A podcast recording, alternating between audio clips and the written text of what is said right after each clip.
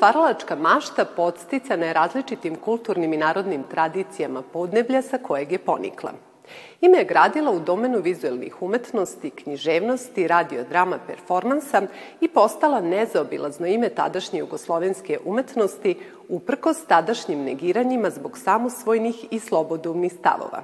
Danas joj posvećujemo centralno mesto u arteriji koju ovog petka čine sledeće priče. Katalin Ladik, dobitnica nagrade Sava Šumanović. Najava manifestacije Antićevi dan. Nova slika u sobi za prepuštanje umetnosti Galerije Matice Srpske.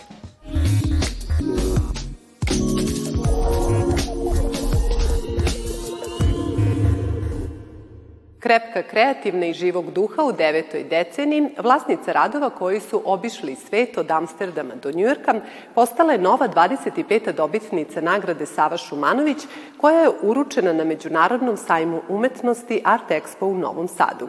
Sa multimedijalnom umetnicom Katalin Ladik posle ceremonije uručenja razgovarala je naša koleginica Iva Jovančić. Tri su povoda zbog kojih ste osvojili nagradu. Za vašu knjigu poetičnog naslova Mogu li da živim na tvom licu? Zatim učešće na izložbi Umetnost bez granica vojvođanskih Mađara u Budimpešti i nedavno zatvorene samostalne postavke o Plus u Minhenu na kojoj ste izveli i performans sa krucijalnim elementima vašeg stvaralaštva. Na koji način ste ih sublimirali?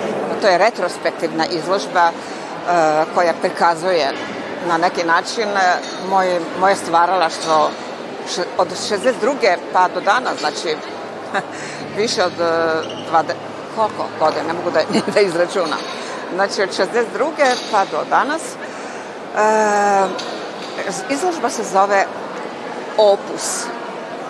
Međutim, ne običan opus, nego piše ovako o, o, o, o, o, o, o, opus, znači sa puno o, o, znači naslov već e, te retrospektivne izložbe ukazuje na, na zvuk i na vizuelnost.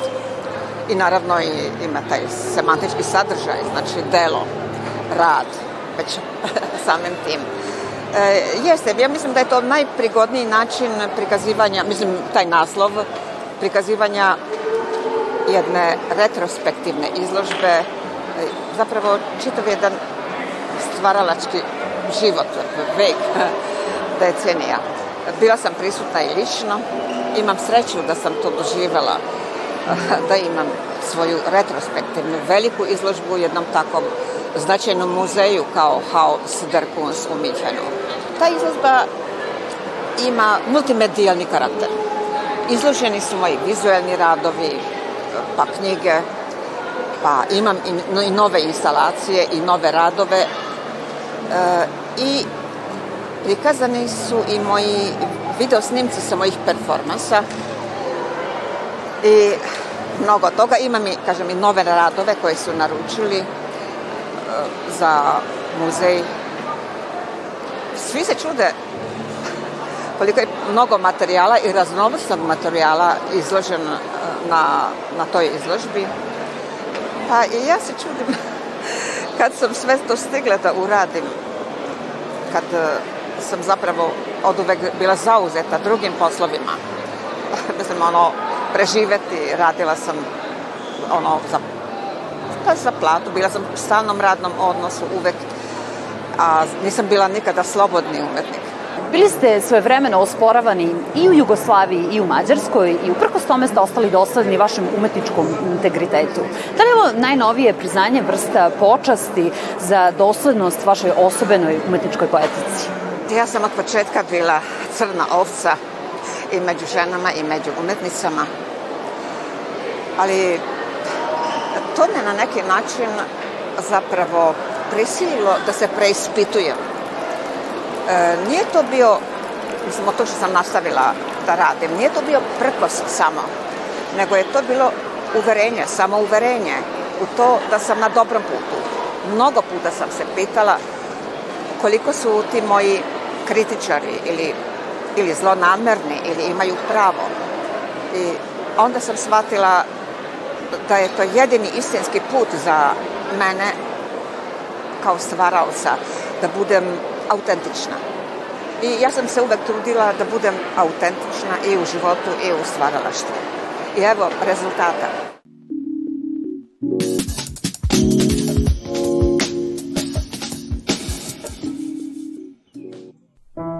Najstarija ustanova kulture u gradu na Zapadnoj Moravi u prošlosti je promenila više imena i adresa, ali uvek ostala utočište reči i pribežište smisla. Upravo tako nosi ime i izložba koja je povodom 175 godina postojanja Gradske biblioteke Vladislav Petković Dis otvorena u Čačku. Ja verujem da je biblioteka u Čačku jedno prepoznato ime na kulturnoj mapi Srbije, što bi trebalo i kroz izložbu povodom 175 godina biblioteke u Čačku da vidi i naša javnost. Važno je napomenuti da će ova izložba prvih mesec dana biti u prostoru dvorišta biblioteke, a nakon toga će imati i svoju instalaciju na gradskom trgu, a već smo dogovorili i gostovanje izložbe u drugim gradovima Srbije. Izložba je deo uvodnog programa u godini kada Čačak nosi epitet nacionalne predstavnice kulture i kada će uz pomoć Ministarstva kulture projekat Čačanska rodna biti realizovan brojnim sadržajima. Taj tim iz Čačka spremio je preko 60 programa koji će biti realizovani ove godine i nadamo se da će to biti uspešna godina u svakom smislu. Ovaj, prava decentralizacija će se svakako videti kroz, kroz ove programe. Ovo je prilika da vam kažem, znači za prestonicu kulture 90 programa, 365 različitih aktivnosti, radionica, predavanja, tribina, književnih večeri, izložbi, filmskih projekcija, pozorišnih predstava, 4730 učesnika, od kojih je 561 iz inostranstva, 121 partnerska organizacija, 48 iz inostranstva, tako da a, siguran sam da će naša gradska biblioteka obojiti Čačansku rodnu i svojim programima. Čačanska rodna zvanično će početi 21. marta svečanom ceremonijom u gradu na Moravi, a brojne manifestacije koje se očekuju do kraja godine samo su dokaz zbog čega je ovaj grad poneo prestižnu titulu kulturne prestonice Srbije. Dani posvećeni stvaralaštvu Miroslava Antića i ove godine biće obeleženi raznovrsnim i bogatim programom, koji će se održati u Kulturnom centru Novog Sada, Gradskoj kući, u nekoliko osnovnih škola i vrtića, kao i u dvorcu Ećšeg.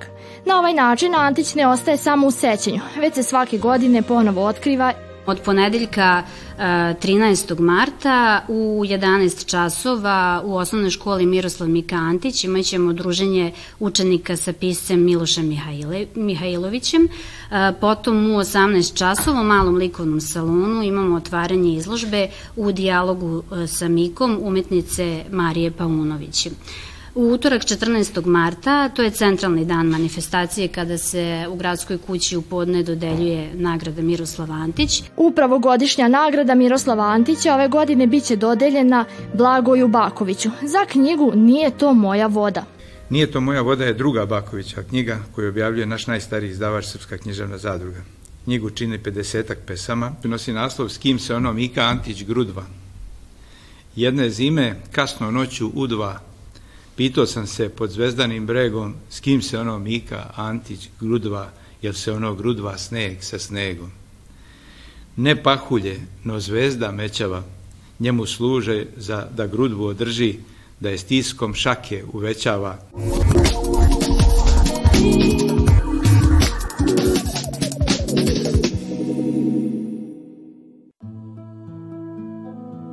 U okviru feminističkog programa Hrabrost je zarazna u Omladinskom centru CK13 ove nedelje organizovan je trodnevni ciklus filmova i razgovora nazvanih Po istinitoj priči. Na repertoaru su bila tri dokumentarna filma o borbi na tlu Sjedinjenih američkih država za oslobođenje od patriarhalnog nasilja, a nakon projekcija su priličani razgovori o snazi pobune, hrabrosti i zajedništvu žena i radikalnoj viziji slobodnog društva, društva bez muškaraca. Drugog dana prikazan je film Paralelna lezbijsko-feministička revolucija, nastao iz pokreta za ženska i građanska prava 60. i 70. godina prošlog veka. Rediteljka Mirjam Fuzer vodi na putovanje Sjedinjenim državama i Kanadom gde se ponovo susreće sa aktivistima tog vremena koji su pokrenuli revoluciju kako bi definisali vlastitu kulturu. Kao aktivne feministkinje drugog talasa počele su uviđati da njihov seksualni identitet nisu priznale niti prihvatile pripadnice tradicionalnog ženskog pokreta. Ove umetnice, muzičarke, filozofkinje i ispisateljice nastojale su da uspostave zajednice usresređene isključivo na žene u kojima patrijarhat jednostavno nije postojao. Ženske zajednice počele su da cvetaju u Severnoj Americi širom sveta, što je rezultiralo bogatom i živahnom kulturom koja je nadahnula lezbijsku umetnost, književnost i muziku. Ispričan fotografijama, arhivskim snimcima, intervjuima, film je svedočanstva o politici tog doba i virtualno ponovno okupljenje žena koje su postavile temelje za naredne generacije. Ostvarenje je nagrađeno na festivalima u Amsterdamu, Moskvi, Torontu, Clevelandu, Sijetlu, Bostonu, Vancouveru, Los Angelesu, Londonu i drugim. effectivement de toutes.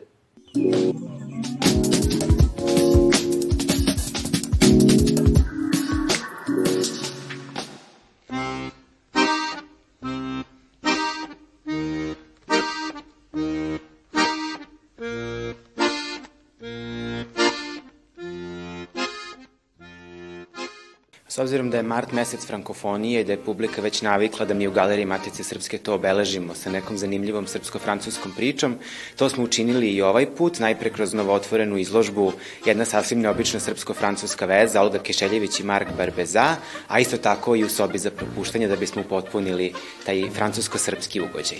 E, ovog meseca publiku u sobi za prepuštanje očekuje slika Koste Hakmana, e, motiv iz Pariza iz 1925. godine na kojoj je prikazan novi Novi most. Naime, eh, Hakman je tokom svog školovanja i boravka na akademiji u Krakovu, u Pragu i u Beču imao veliku želju da poseti i Pariz, gde je i završio upravo te 1925. godine na akademiji i tamo je proveo naredne četiri godine. Eh, za to vreme vratio se u Jugoslaviju samo jednom i to u Novi Sad kako bi učestvovao na jugoslovenskoj umetničkoj, šestoj jugoslovenskoj umetničkoj izložbi, gde je najverovatnije prikazao i ovu sliku koju je za vreme tih parijskih dana naslikao. Ono što je zanimljivo je da Hakman se povezuje zapravo sa tom jednom ključnom parijskom tačkom, a to je novi most na Seni i zanimljivo je da prikazuje jedan pust Pariz, što Pariz svakako to nije u trenutku između dva svetska rata kada je epicentar i umetničkih i kulturnih i društvenih dešavanja. Zbog toga mi ovu sliku razumemo kao nekakav simbolički prikaz trenutka umetničkog stvaranja ili uživanja u samom procesu e, slikanja ili uživanja u određenom prizoru, zbog čega smo odlučili da je stavimo u sobu za prepuštanje.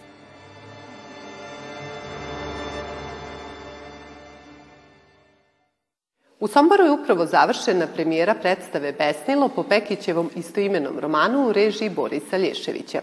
Sa kakvim rezultatom i prijemom kod publike saznaćemo u narednoj arteriji. Nova sezona pod nazivom U sali u gradskoj koncertnoj dvorani zvanično počinje sutra nastupom multimedijalnog umetnika Slobodana Trkulje i sastava Balkanopolis. Posle njihovog gostovanja širom sveta, novosađani će uživati u specifičnostima koje ovaj multimedijalni umetnik redovno priređuje. Budite tamo. Prijetno do ponedeljka.